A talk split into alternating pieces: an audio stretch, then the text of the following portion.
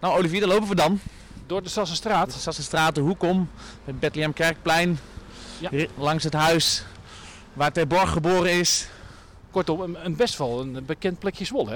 Het is een heel mooi stukje Zwolle. We lopen recht op de, het academiehuis, de grote kerk af. Ja.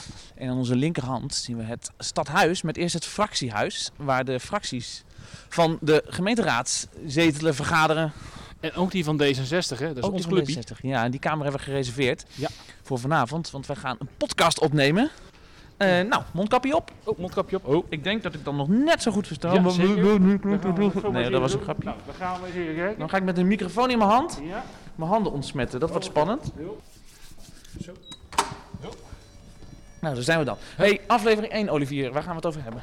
Natuurlijk de aftrap van de, de verkiezingen. En dan kun je niet zonder campagne en dat kun je ook niet zonder programma.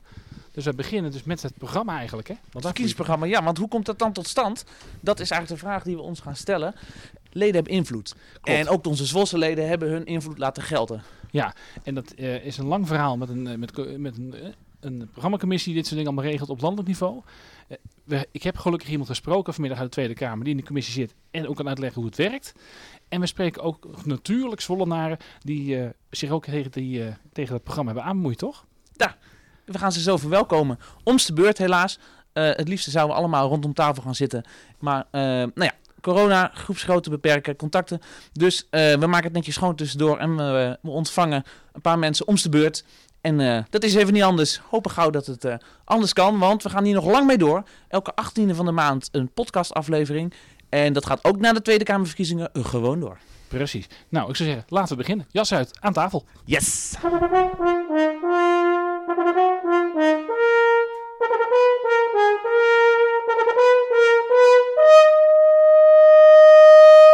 Sessie Sassenstraat, de podcast van D66 Zwolle.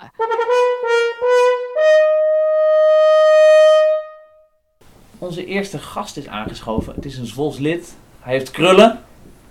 Heeft een beetje een baard. Wie zal het Wie zijn? zal het zijn? de naam Stel je voor. Ik ben Martin Blijnburg. Ik ben lid eh, sinds, wat zal het zijn, 2012 denk ik. En ehm, ook al actief geweest in de, in de raad, maar dan als eh, burgerraadslid. Ja. En na de vorige verkiezingen eh, geen plek kunnen verwerven op, eh, in de raad. En dat was voor mij wel een voorwaarde om door te gaan. Niet meer als, eh, als burgerraadslid. Hm. Dus toen had ik gelukkig ook heel veel tijd over om mijn zaak gewoon ook weer eh, verder te leiden. Dus dat, dat was eh, eigenlijk geluk bij een ongeluk. eh, Wat, wat voor zaak heb je dan? Waar, waar heb je je tijd Ik, in ben, ik heb een adviesbureau. Ik ben mede-eigenaar van een onderzoeks- en adviesbureau voor wonen en leefomgeving. En Ah. ik ben dus eigenlijk woonexpert. Hm, Ja. Kijk dan. En op die manier kun je daar nu veel tijd in steken. Ehm, je hebt natuurlijk ook een tijdje terug nog een, motie ingediend hè, op het verkiezingsprogramma van D66 toen de tijd. Daar gaan we het zo over hebben. Mhm. Ehm, we willen eerst even een fragment laten horen, denk ik, hè? Van, eh, van meneer Sneller. Eh, Meneer Sneller, Joost Sneller, Kamerlid van D66, die hebben wij eh, telefonisch benaderd. eh, om eens te vragen hoe dat nou allemaal eh, tot stand kwam. Want eh Democratisch 66 klinkt heel democratisch, maar is dat dan zo democratisch, dat verkiezingsprogramma, hoe dat tot stand komt? En daar, eh, nou, daar kon hij ons meer over vertellen. Zo, laten we dat maar eens even gaan doen. We gaan bellen. En dan hebben we nu Joost Sneller aan de lijn. Eh, hij is Tweede Kamerlid, maar ook betrokken bij de programmacommissie. Hè? En eh, het leuke daarvan is, is ja, eh, hij zit met zijn neus bovenop het programma. Joost, ehm, kun je iets meer vertellen over wat jij nou precies doet voor D66 als het gaat om de commissie? Ja, ik ben dus op dit moment eh, Tweede Kamerlid voor D66 en word voor de Financiën en Binnenlandse Zaken onder andere. Eh, in het verleden was ik eh, politiek secretaris van de Tweede Kamerfractie en directeur van de Vermeerlo Stichting. En in die hoedanigheden ook meegeschreven aan verkiezingsprogramma's. Maar deze keer had ik de eer om lid te zijn van de Verkiezingsprogrammacommissie. Aha. En hoe, hoe gaat dat dan precies in zijn werk, als vragen mag? Nou, de- we hebben natuurlijk als D66 als eh, politieke vereniging een permanente programmacommissie die in opdracht van het landelijk bestuur permanent onderhoud pleegt aan onze programma's en aan de, de, de ideeën en de voorstellen. maar richting specifieke verkiezingen, Europees parlementsverkiezingen, Tweede Kamerverkiezingen, wordt er door het landelijk bestuur ook een specifieke verkiezingsprogrammacommissie ingesteld. Deze keer onder voorzitterschap van Wouter Koolmees, onze minister van Sociale Zaken. En die, kijkt eigenlijk, die hangt er als het ware een beetje boven en maakt de keuzes waar nodig en bepaalt samen met andere geledingen de richting. Maar de, de permanente programmacommissie doet het meeste schrijfwerk. Dat ja. is eigenlijk de rolverdeling. Um, dat programma is natuurlijk tot stand gekomen, zal ik maar zeggen, in coronatijd. Hè? Er is anders dan anders gewerkt. Hey, had dat nog voordelen of nadelen? Uh, nou ja, het mooie van die permanente programmacommissie uh, en de lange aanloop die er deze keer ook is genomen, omdat het kabinet uh, gewoon netjes was blijven zitten, zal ik maar zeggen, mm -hmm. is dat er al voordat corona uitbrak allerlei discussieavonden met D66-leden in het land zijn georganiseerd rondom bepaalde stellingen. Een hoop van de input was al opgehaald voor coronatijd.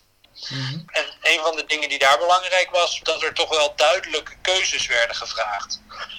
En dat je, het, risico van meeregeren natuurlijk is dat je uh, de compromissen die je moet sluiten om te kunnen besturen, gaat uh, opschrijven als je eigen idealen. En dat je bang bent om afstand te nemen of afscheid te nemen van bepaalde dingen die je in een coalitie hebt afgesproken. En eigenlijk was dat waar de, waar de leden ons uh, voor waarschuwden. En dat sloot, heel erg aan bij het gevoel dat wij zelf ook hadden. En corona versterkte dat eigenlijk heel erg, omdat het uh, voor veel mensen toch een soort moment was, een confrontatie met een hele harde werkelijkheid, die je ook weer deed afvragen: hoe willen we nou eigenlijk als een soort nieuw begin, een verse start, um, hoe zouden we het zelf willen inrichten? Welke dingen, welke onrechtvaardigheden in de samenleving vinden we eigenlijk niet acceptabel, maar omdat ze er altijd al waren of omdat ze sluipenderwijs erin zijn gekomen, merken we onvoldoende op. Nou ja, die, die scherpe keuzes, die zijn eigenlijk uh, voor coronatijd ontstaan en door coronatijd uh, versterkt.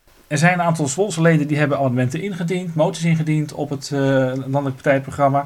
Uh, die, die hebben het uh, soms wel gehaald, maar soms ook niet. betekent dan dat die onderwerpen dan nu volledig van tafel zijn? Of kunnen we daar nog over praten? Of kunnen we dan onze Zwolse draai nog gaan geven?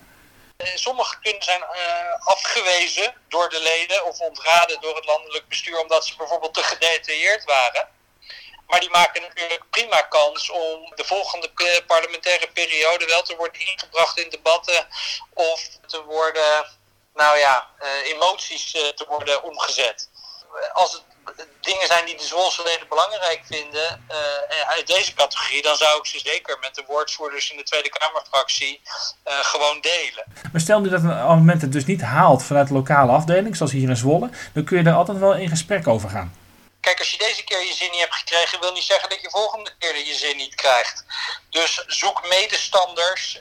We zijn uiteindelijk een politieke vereniging waar de leden uiteindelijk bepalen wat de koers is.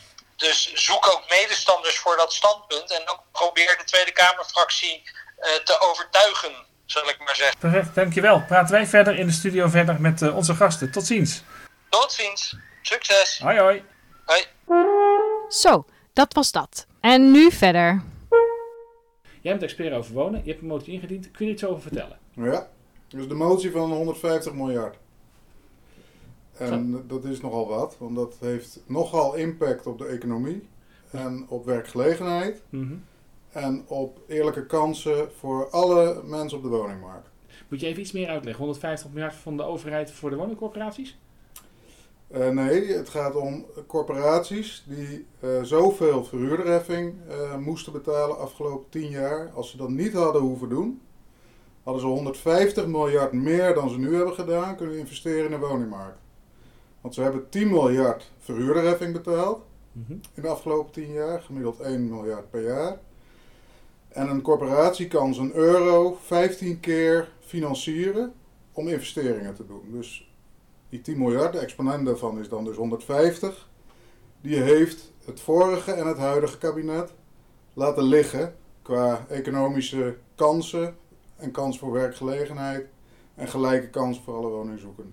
Zo- En, het, en in het verkiezingsprogramma van D66 stond dat de helft van die verhuurderheffing moet worden gehandhaafd. Dus het is een beetje een halfslachtige oplossing. Van ja, verhuurderheffing was ook niet echt D66. Maar ja, de begroting moet wel dichtgerekend worden. Ja. Is dat dan zo'n voorbeeld van misschien zo'n standpunt dat je inneemt omdat het dan toch uit zo'n coalitie voortkomt? Want we zaten er ook met z'n allen, hè, als D66. Toen Joost dat zei, dacht ik precies dat. Ah. Juist. Schrijfsessies, hè, hoe dat dan, eh, Joost Sneller die heeft het daar ook over. Van nee, dan heb je vooraf heb je sessies en, eh, eh, op bepaalde onderwerpen. En ben je er ook bij geweest in, in die aanloop? Ja, ja, dat was een eh, afgelopen zomer. Toen hadden we zo'n woonsessie. Ja. Het was een hartstikke mooie zomeravond. Dus ik heb in de hangmat eh, in de tuin heb ik, eh, die sessie gevolgd. Ook inbreng geleverd. Jessica van IJs is de eh, Tweede Kamerwoordvoerder wonen. Die stond ons te woord. Daar heb ik ook al tegen gezegd van die verhuurderheffing moet er af. Toen zei zij, we zijn niet getrouwd met de verhuurderheffing. Nou, dat was al op zich Dat is mooi. een mooi opstapje naar, Mhm. naar wat, wat we wilden. Ja. Alleen toen kwam in het verkiezingsprogramma toch een halfslachtige oplossing. Ja, dat viel mij wel heel erg tegen.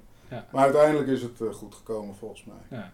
Via een amendement dus. Hè? Want we hebben het net, die termen vliegen hier misschien over tafel, moties, amendementen. Hè, die, die, die, die verschillen. Eh, ehm, hè, een amendement, dan ga je een wijziging, een tekstwijziging eh, voorstellen op het conceptverkiezingsprogramma. Precies. En dan kun je een stukje schrappen, kun je een stukje toevoegen. En een motie, dat is meer een opdracht.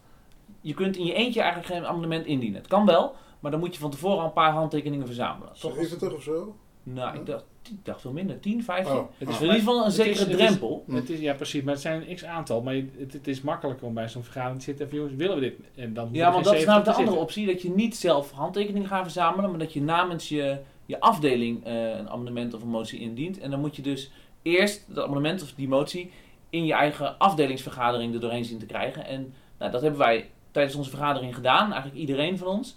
En ehm, toen bleek eigenlijk, eh, Walter Stuyvesant, onze voorzitter, die bracht toen eigenlijk ook de vraag naar voren. Willen we deze eh, amendementen inhoudelijk gaan bespreken? En degene die dan voor zijn, die stemmen voor, tegen stemmen tegen. En dan, als de meerderheid voor is, dan gaat hij erheen. Of zeggen wij, we hebben vertrouwen in de kwaliteit van deze amendementen, van onze leden. We hebben geen, geen zwaarwegende bezwaren hiertegen. Dus ook als ik inhoudelijk tegen ben, ehm, dan ben ik er niet tegen dat wij als afdeling dit indienen. Mhm. En zo is dat gegaan. Dus alle amendementen die door leden in Zwolle zijn geschreven en die dus zijn ingebracht in de, in de lokale eh, afdelingsvergadering, die zijn ook allemaal eh, naar landelijk gegaan. Ja. Dus dan heb je niet echt die, die drempel van zelf handtekeningen verzamelen. Vond je dat eh, een prettig proces? Ik vond het een heel goede manier. En die, die, hebben, we- die oplossing hebben we ter plekke volgens mij bedacht.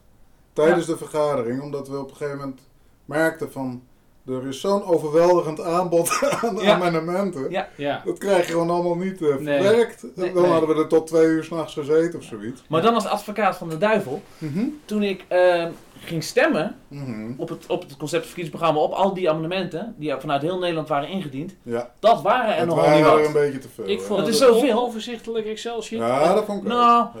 Het was wel een beetje maar, dan, maar dan is de valkuil op een gegeven moment dat je daar zit en dat je dan de dingen eruit pikt waar je wat van weet, hè, of waar je dan bij betrokken bent. Maar is dat een valkuil of is dat Ja, een zegen? Nee, dat is een valkuil. Want dus de momenten, dat, ik bedoel, laten we even een voorbeeld nemen van Martin, die komt met een voorstel waar ik mee kan vinden. Ik denk, helemaal mee eens. Ik heb ook dingen voorbij zien komen dat ik denk, ja, ik weet het niet. En er staat een advies bij van het landbureau, aannemen, ontraden of eh, geen mening. En als je dan niet weet, dan, kie- dan kies je toch de lijn van het landelijk bureau. Maar dat vind ik, dat vind ik eigenlijk Ja. jammer. Want ik, als ik ook naar mezelf kijk, waar ik op heb gestemd, zijn alle amendementen van, van mensen die ik ken. Dus Ja. van, onze af, van Mhm. onze afdeling. Die wist ik ook dat die ingediend waren. Natuurlijk mijn eigen amendementen. En ik heb op een paar onderwerpen die ik belangrijk vind, of waar ik denk, of waar ik zelf een sterke mening over heb, die heb ik gelezen en daar heb ik op gestemd. Maar dat is, dat is zeker niet de meerderheid van al die honderden, hoeveel het, ik weet Maar- het niet precies, amendementen. Maar het probleem is dat er één knop is. En dat, en dat is namelijk een knop bovenaan. En er staat, volg het advies. Mhm. Dus als je nou nergens Ja, per se een mening over hebt, je denkt, ik vind het Ja, belangrijk en ja, zwaarwegend dat het advies wat gegeven wordt, toch door experts en door de zittende commissieleden. Ehm, dus stel je voor dat 100 mensen dat doen, eh, en ik denk dat meer dan 100 mensen dat doen, dan is het heel moeilijk om een amendement waar een negatief advies op zit, om die aangenomen te krijgen. Want dan moet je dus al er meer mee. dan die 100 medestanders zien te vinden. En dat, daarom, ik vind, de, het is gewoon fijn dat het is gelukt om het digitaal op te lossen. Mhm. Maar het is niet goed, eh, het, het was geen goede vervanger voor een live congres. ik heb zelf ook een keer een motie ingediend op een live congres. En die motie werd eh, ontraden door het bestuur. Dan moet je in een zaaltje achteraf kijken of je toch in dat zaaltje nog Mhm. voldoende medestanders hebt Ja. om het in de plenaire zaal eh, alsnog te verdedigen. En dan, kun- dan kun je, je hebt dus een escalatieladder tot Ja. aan de plenaire zaal. En Ja. die heb je, die heb je Maar wij tijdens kunnen die, wij kunnen die escalatieladder toch in zekere zin nabootsen door wel op onze afdelingsvergadering hier inhoudelijk op in te gaan. Dan heb je, dan maar, heb maar- je, maar je, een- moet, je moet die vergrotende stap natuurlijk pakken naar, naar, naar het landelijke level. Want daar ja, maar, je die snap je, ik andere bedoel dat je al hier in de afdeling al inhoudelijk gaat discussiëren. En dan al kijkt of er dus een meerderheid draagvlak puur op inhoud is. Dan kun je dus Ja. eigenlijk al wat, wat, wat amendementen filteren. En als Ja. elke afdeling dat doet, is die lijst minder Nee, dat lang. klopt. Ja. Ja. Dus, maar dat moet je echt landelijk dan ook zo organiseren. Ja. Ja. En dan moet je ook op het congres zelf ook zo'n escalatieladder hebben. Ja. Dat je ook echt de gelegenheid krijgt om het podium te pakken als je vindt Ja. dat er, to- ook al wordt hij ontraden, eh, dat hij in, eh, Ja. in de stemming komt. Hey, even los van, van het hele technische verhaal wat we nu vertellen. hè. Want kijk, ehm Ja, het is technisch, maar Ja, het gaat maar- over democratie. Ja, precies. Maar laat Ja. ik het even, even, even, toch, toch even een sprongetje maken dan. Ehm, want je hebt natuurlijk het proces waarin je natuurlijk eh, vanuit je landelijke eh, herstel. Je hebt natuurlijk het proces vanuit, je, eh, vanuit onze afdeling, eh, Zwolle, een, op, een, steeds een trapje hoger moet naar dat landelijke gebied. Hè, ik bedoel, ze hebben ook gezien dat ook meerdere partijen dan, of me- meerdere afdelingen dan ehm, eh, voorstellen hebben die lijken op dat voorstel van jou. Er komt een moment dat je naar het landelijk bureau moet en dat daar dus een soort advies moet komen, positief, negatief of neutraal. Aannemen, ontraden. Heb jij ook dingen gedaan om bijvoorbeeld in dat eh, traject daarvoor, om dat advies vanuit dat eh, landelijk bureau nog, nog om te kneden? Was dat nodig bijvoorbeeld, of hoe ging dat? Nou, wat ik heb gedaan is eh, met EDES, dat is de Landelijke Vereniging van Woningcorporaties, met een aantal wo- corporatiebestuurders, met de Woonbond, eh, heb ik mee laten lezen op, Ja. de, op het amendement dat ik heb gemaakt. Dus dit was ook een gedragen amendement vanuit de sector. Ja. Ja. En, eh, nou, en, de, en de Woonbond bijvoorbeeld heeft er ook persberichten aan gewijd. Dus dat heeft misschien eh D66 bestuur ook gezien. En Ja, ja. had daarop ook zijn, eh, eh, zijn stemadvies kunnen afstemmen. Dus dan sorteer je eigenlijk al een beetje voor op, die, op, die, op dat hele politieke steekspel. Ja. Wat er na het aannemen van zo'n motie, amendement of aanpassing op je, in je programma gaat gebeuren. Want je weet al van tevoren, oké, als wij als partij hiermee instemmen, dan ga je niet alleen hiermee de boer op, maar je hebt in ieder geval Edens en de Woonbond mee. Ja, je hebt een gedragen. Het is niet zomaar een verhaaltje wat ik zelf als, als individuele expert eh, vertel, maar wat gewoon eh, vanuit de samenleving eh, gedragen is. Ja. Dat is wel frustrerend als er dan een negatief stemadvies komt. Wat vind je eigenlijk überhaupt van zo'n advies? Is dat democratisch? Nee, ik vind het te makkelijk. Hè? Dus wat Joost Sneller ook zei. ehm, de, volgens mij hebben ze die amendementen allemaal gescand. Als er dan één of tien woorden te veel in de toelichting staan, dan is het al te gedetailleerd. Ja. Ja. Terwijl ik juist een poging heb gedaan om nog niet eens in een A4'tje toch de toelichting goed te geven. Ook waarom ik vind dat het rondpompen van geld betrof, dat corporatiefonds, en dat het geen goede oplossing was. Even grappig om hier eventjes tussendoor in te breken. Mhm. Die toelichting, ehm, die wordt gelezen door de mensen die dit stemadvies geven. Eh, maar die toelichting die wordt weggelaten op het moment dat het ter besluitvorming ligt. Dus Ja. de leden die, die daadwerkelijk stemmen, of die al dan niet wordt aangenomen, die lezen die toelichting niet. Ja. En daar was ik me ook niet heel goed van bewust. Want toen ik mijn eigen amendementen teruglas, dacht ik, oh ja, dit is zonder die toelichting. En ik had juist in die toelichting best wel weer wat, wat informatie gestopt, omdat je Mhm. graag je dictum kort wil houden. Ik denk, dan stop je Ja. veel in die toelichting, dan ga ik daar nog even ja. wat in kwijt. Exact. Maar dat leest men helemaal niet, Nee. want dat is, wordt Nee. gewoon weggelaten. Dus Ja. dat is wel goed om je, om je van bewust te zijn. Ja. Dus dat zou kunnen betekenen dat op het moment dat je een voorstel doet, hè, dat het wel heel erg genuanceerd op tafel ligt bij de mensen die daar een advies aan over moeten Ja, geven, maar ja. dat zwart-wit eh, wordt geformuleerd op het moment dat mensen moeten kiezen. Nou, en dat is ook precies de reden waarom ik vind dat je die escalatieladder tot aan de plenaire zaal nodig hebt. Omdat je dan in ieder geval nog eens een keer het woord kunt nemen. En dan krijg je 30 seconden of zo. Maar dan kun je toch nog eens een keer dat statement eh, Ja. goed neerzetten. Ja. Ik heb een, een van mijn amendementen heb ik ingediend over het versterken van de positieve veiligheid. Ik wilde graag meer woorden en meer richting over hoe D66 dat nou ziet. En toen heb ik eh, eh, eh, een reactie gekregen van de beleidsmedewerker van de Tweede Kamerfractie.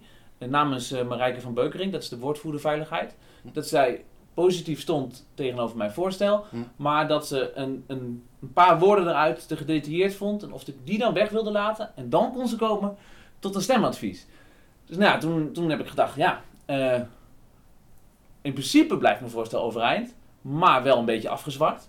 Eh, dus heb ik weer een tegenvoorstel gedaan. Ik wil dit woord weglaten, dit woord wil ik liever dan omvormen naar, naar dit. En zo zijn we eigenlijk samen tot een, eh, tot een compromis gekomen.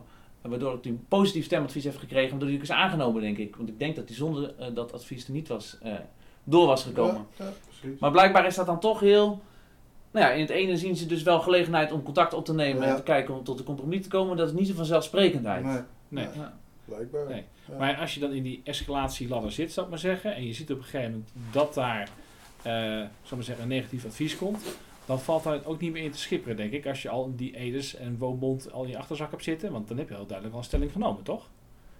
Dat wordt op een gegeven moment ook kiezen. Ja, nee, kijk, ik had op zich natuurlijk ervoor kunnen kiezen, omdat... en Eigenlijk heb ik het ook gedaan, hè, want ik zag dat er nog vijf andere amendementen stonden. En die waren, daarmee, het hoofddoel is bereikt. Ja. Het corporatiefonds vond ik een lelijk eh, dingetje, maar eh, daar kan ik nog wel mee leven. Ja. Maar het, het blijft vanuit het principe geen goede. Dus ik denk sowieso, kijk, als D66 in het kabinet komt, dan is het nog maar de vraag of dat idee van het corporatiefonds dan erin komt. Want er zijn ook partijen die dat er niet in hebben staan. De meeste partijen wilden verhuurderheffing afschaffen, dus die hebben we volgens Ja. mij al redelijk snel binnen. Is Ga je dan ook verhaal halen als het nou niet lukt? Je zegt, potverdorie, dat is nou toch een van mijn aangenomen... net Als, Ideeën. als dit idee, eh, als wij in het kabinet komen en dit idee komt ook in het eh, regeerakkoord, Ja. dan eh, ga ik op een congres motie indienen. Martin, tot slot, heb je nog een tip voor mensen die eh, eh, straks eh, over een jaar, eh, maar dan hebben we het misschien over, over, over Zwolle, eh, soort gelijke ideeën, moties hebben om in te dienen op bestaande programma's? Heb je dan een hele goede tip voor ze? Van, doe dat en dat, of misschien juist doe dat en dat vooral niet? Nou ja, ik denk vooral dat eh, we hebben die appgroep. Eh, we moeten heel veel digitaal doen. En eh, wees niet te bescheiden in als je wat vindt, dat je dan ook eh, verhaal haalt, zeg maar.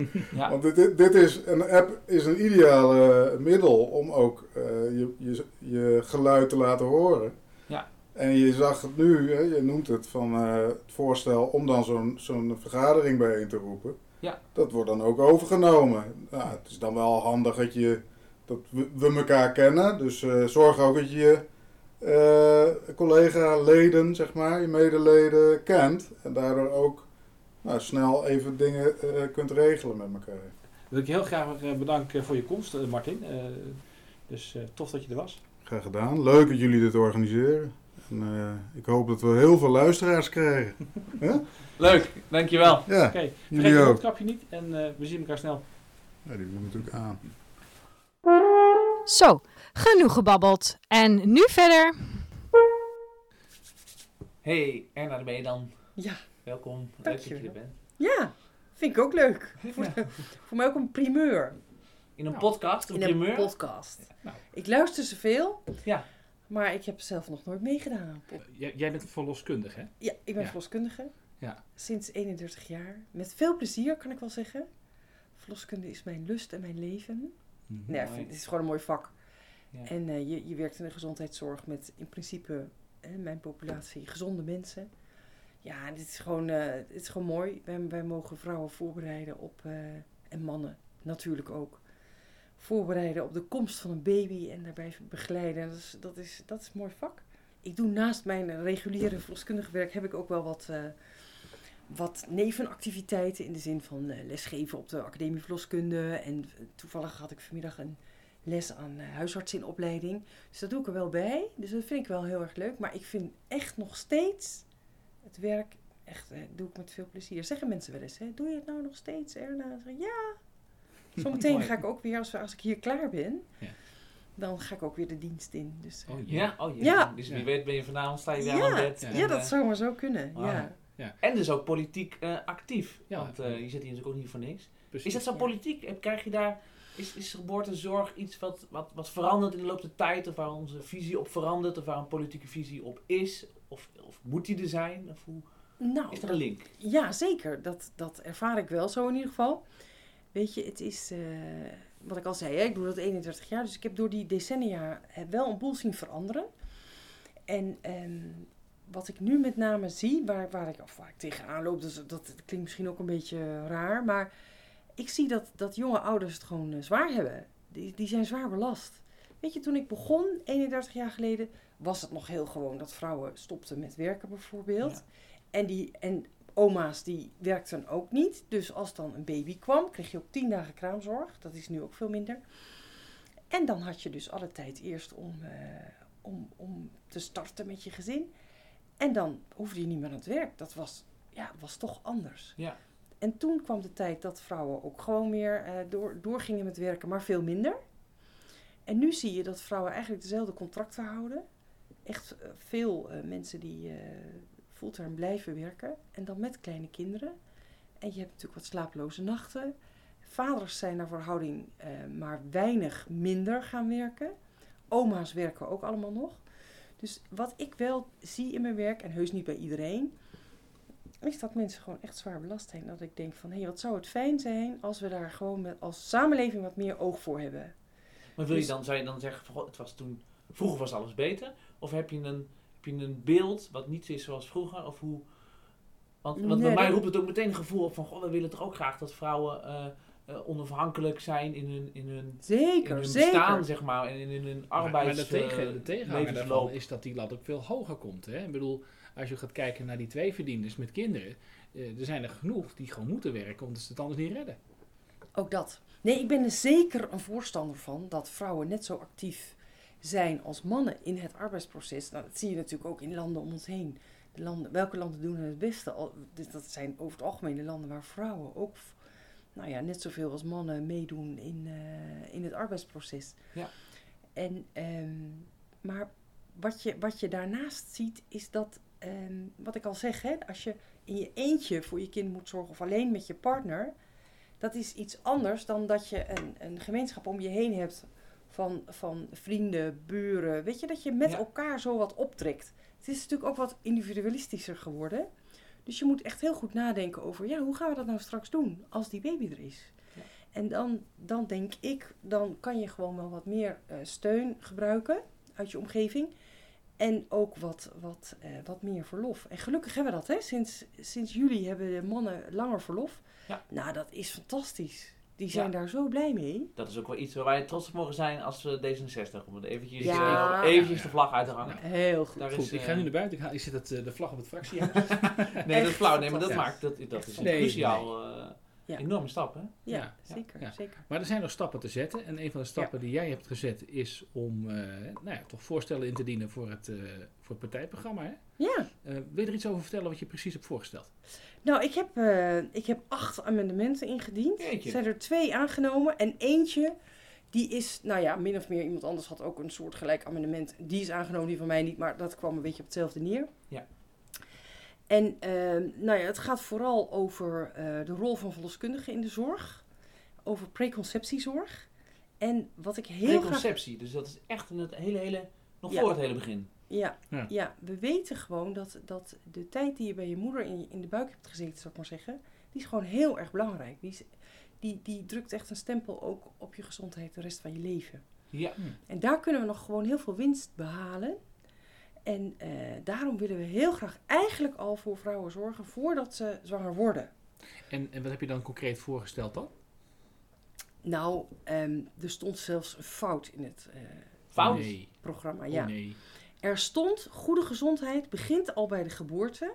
Uit onderzoek blijkt dat de eerste duizend dagen vanaf de zwangerschap, vanaf de zwangerschap bepalend zijn voor de gezondheid. Nou, dat klopt dus al niet, want eerst staat er vanaf de geboorte en dan eh, vanaf de zwangerschap. Dus die zin klopt gewoon niet. Maar dat Oh ja. moet dus zijn, goede gezondheid begint al voor de conceptie. Ja. Oh, ja.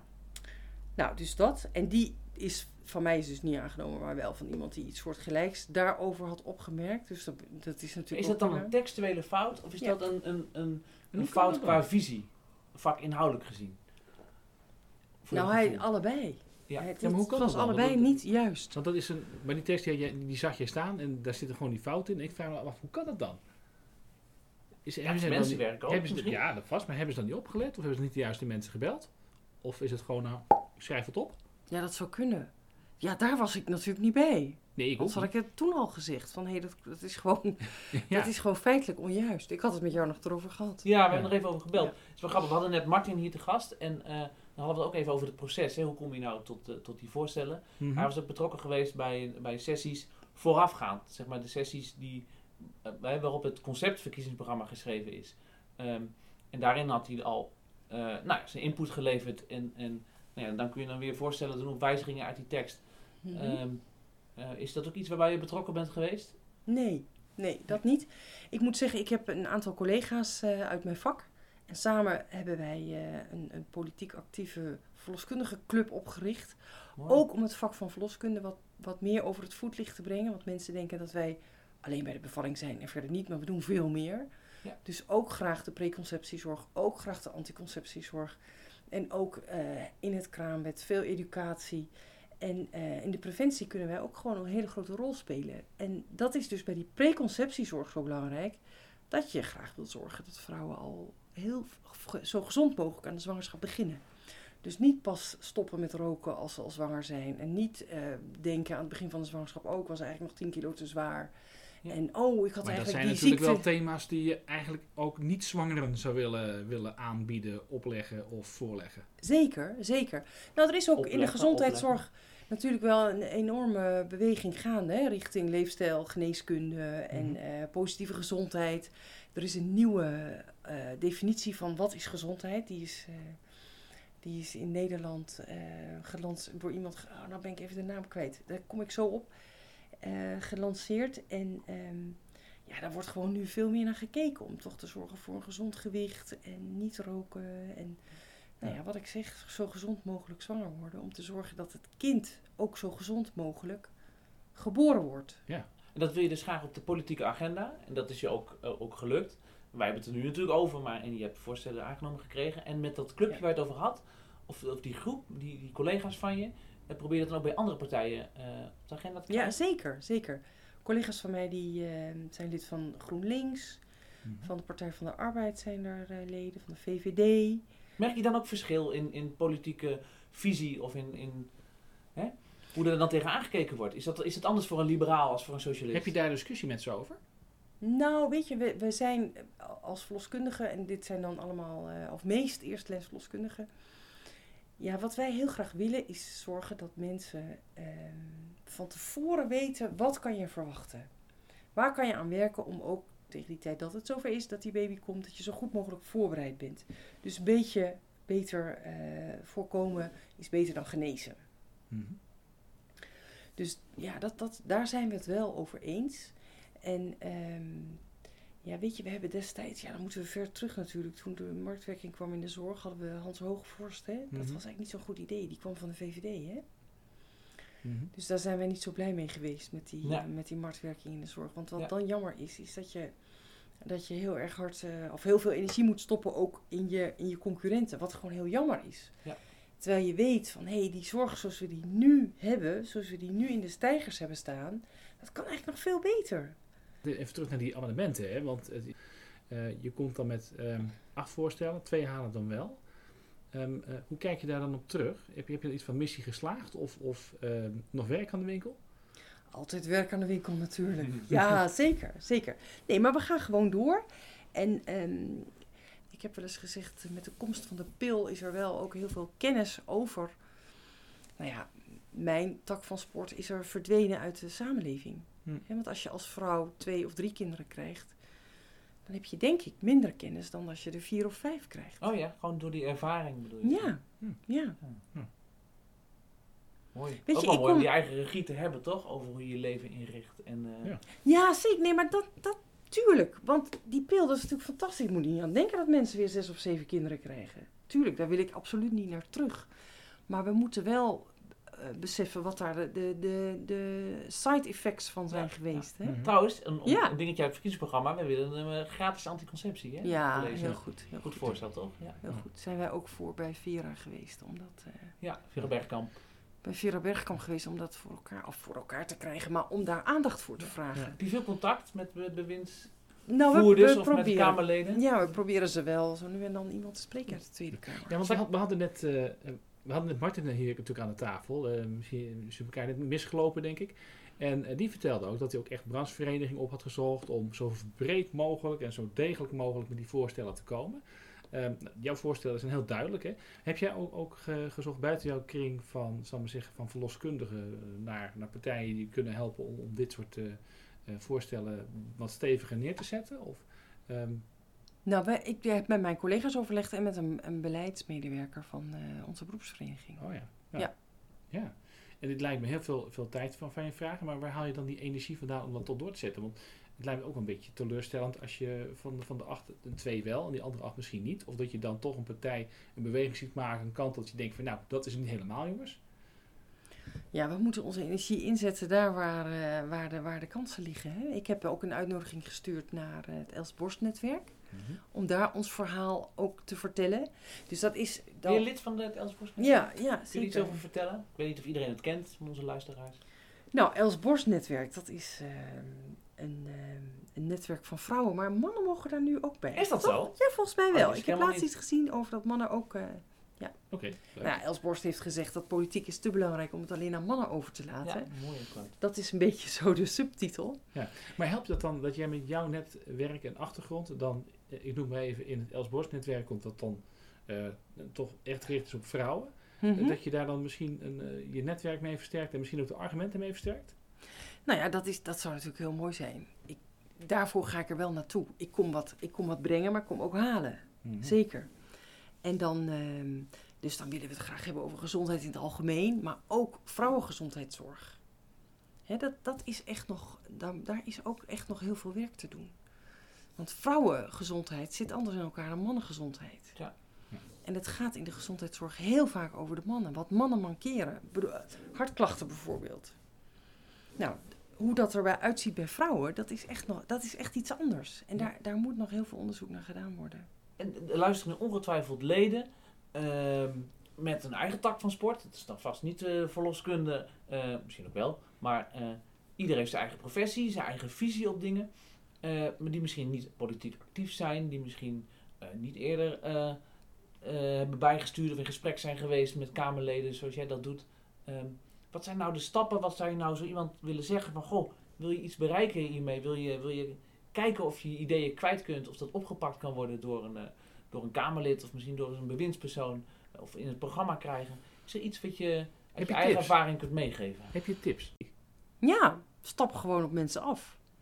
Ik ging naar het partijcongres en ik was echt verbaasd hoe makkelijk je in contact komt met, met partijprominenten en mensen die daarover gaan. En dat, vind, dat vond ik gewoon heel mooi. En ehm, nou ja, je wordt lid van een partij, eh, je, je ziet dan is die, dan is die. Hè, je, je, je gaat naar bijeenkomsten en je praat met mensen. En ja, zo, zo gaat het gaat eigenlijk een beetje vanzelf. Nou Erna, dankjewel voor, eh, voor je komst. Eh, fijn dat je er was. Graag gedaan. Ik vond het leuk. Mooi. Erna, dankjewel. Fijn Jullie ook bedankt. Bedankt. Zo, dat was dat. Maar wat vinden we er nu eigenlijk van? Ook vond het super. Ja, wat leuk om, eh, om, om Martin en Erna allebei te horen als eh, echte vakprofessionals. Het zijn bevlogen mensen, hè? Heel bevlogen, ja. En ook echt eh, met een visie.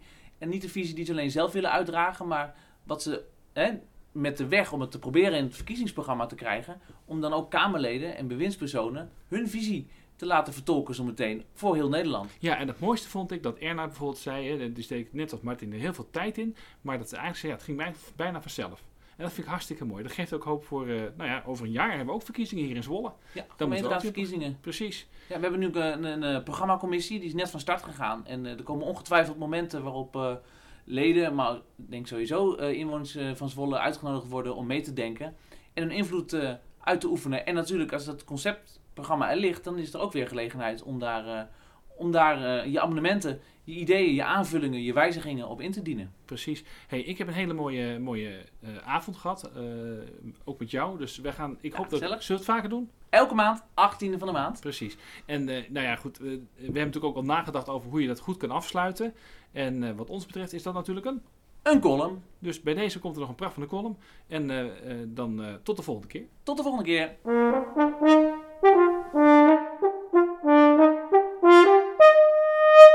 Wat vinden we er eigenlijk van? We vragen het Sander Wageman. Verkiezingsprogramma's. Een programma, het klinkt zo veelbelovend, alsof je naar het theater gaat en bij binnenkomst van een vriendelijke dame zo'n glanzend boekje in je handen krijgt gedrukt, waarin iedere onduidelijkheid die je over de voorliggende avond zou kunnen hebben, met de grootst mogelijke details de kop wordt ingedrukt. Heerlijk vind ik dat. Weten waar je aan toe bent. Klare wijn schenken. Nee, dan het verkiezingsprogramma. Vaak ook vrij vormgegeven, met flitsende foto's van de stad of van vitale, frisse mensen die ik persoonlijk nog nooit ben tegengekomen. Sommige partijen maken zelfs verschillende versies. Eentje uitgebreid en bol van het jargon, en in de ander alleen de hoofdpunten in Jip en. Alsof de minder belezen lezer alleen recht heeft op een deel van het programma. Stel je voor dat je dat in het theater zou doen. Een programmaboekje waarin Shakespeare's Macbeth tot op wetenschappelijk niveau wordt geduid.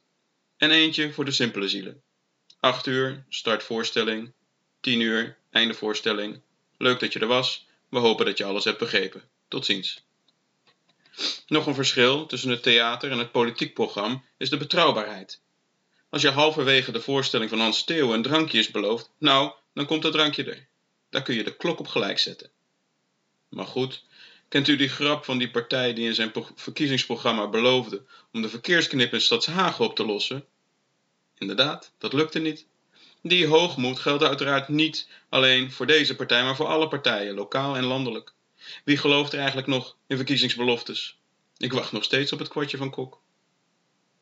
En toch kan ik enorm blij worden van verkiezingsprogramma's. Alleen de verkiezingsslogan biedt al een blik in de ziel van de betreffende partij. Voorbeeldje. Nederland weer van ons. Deze gebruikte de PVV in 2017. Het heeft een vleugje Make America Great Again en een snufje Vol is vol. Dan weet je wel ongeveer hoe het gerecht gaat smaken. De slogan is als de zoutige kaasstengels die in de lobby van het theater op tafel staan. Bedoeld om je de rest van de avond dorstig te houden. Ook leuk aan een verkiezingsprogramma is het woordgebruik. Een handig trucje Kopieer de hele tekst en maak er via een programma op internet een woordwolk van. Dat is een eenvoudige en leuke manier om te zien welke woorden het vaakst voorkomen. Voorbeeldje. In het programma van D66 in Zwolle in 2017 wordt vooral willen gebruikt om de richting te bepalen. Vergelijken we dat even met Zwolwacht, dan gaat het met name over moeten. Tja, het is maar wat je wil. En dan de inhoud. Wat beloven de partijen ons? Welke mooie vergezichten spiegelen ze ons voor? Hier chocola van maken is werkelijk een avondvullend programma. Want dat lukt alleen door alle programma's te lezen. Onbegonnen werk, ik weet het, maar wie door de zure appel heen bijt, weet de samenhang te ontdekken. Dan zie je op welke punten de partijen als een mooie symfonie elkaar aanvullen en op welke punten het een drama belooft te worden. Met welke partij wordt het lachen, gieren, brullen? En bij wie een lange, saaie zit. Kortom, wie het politieke programma voor de komende vier jaar wil doorgronden, zal een avond moeten zwoegen. Maar heel eerlijk gezegd, zit ik duizend keer liever bij Hans Steeuw in het theater. Met een kaasstengel bij binnenkomst en een drankje in de pauze. Dat dat maar weer snel kan. Dit was Sessie Sassenstraat, de podcast van D66 Zwolle. Vragen, opmerkingen, mail naar secretaris.d66zwolle.nl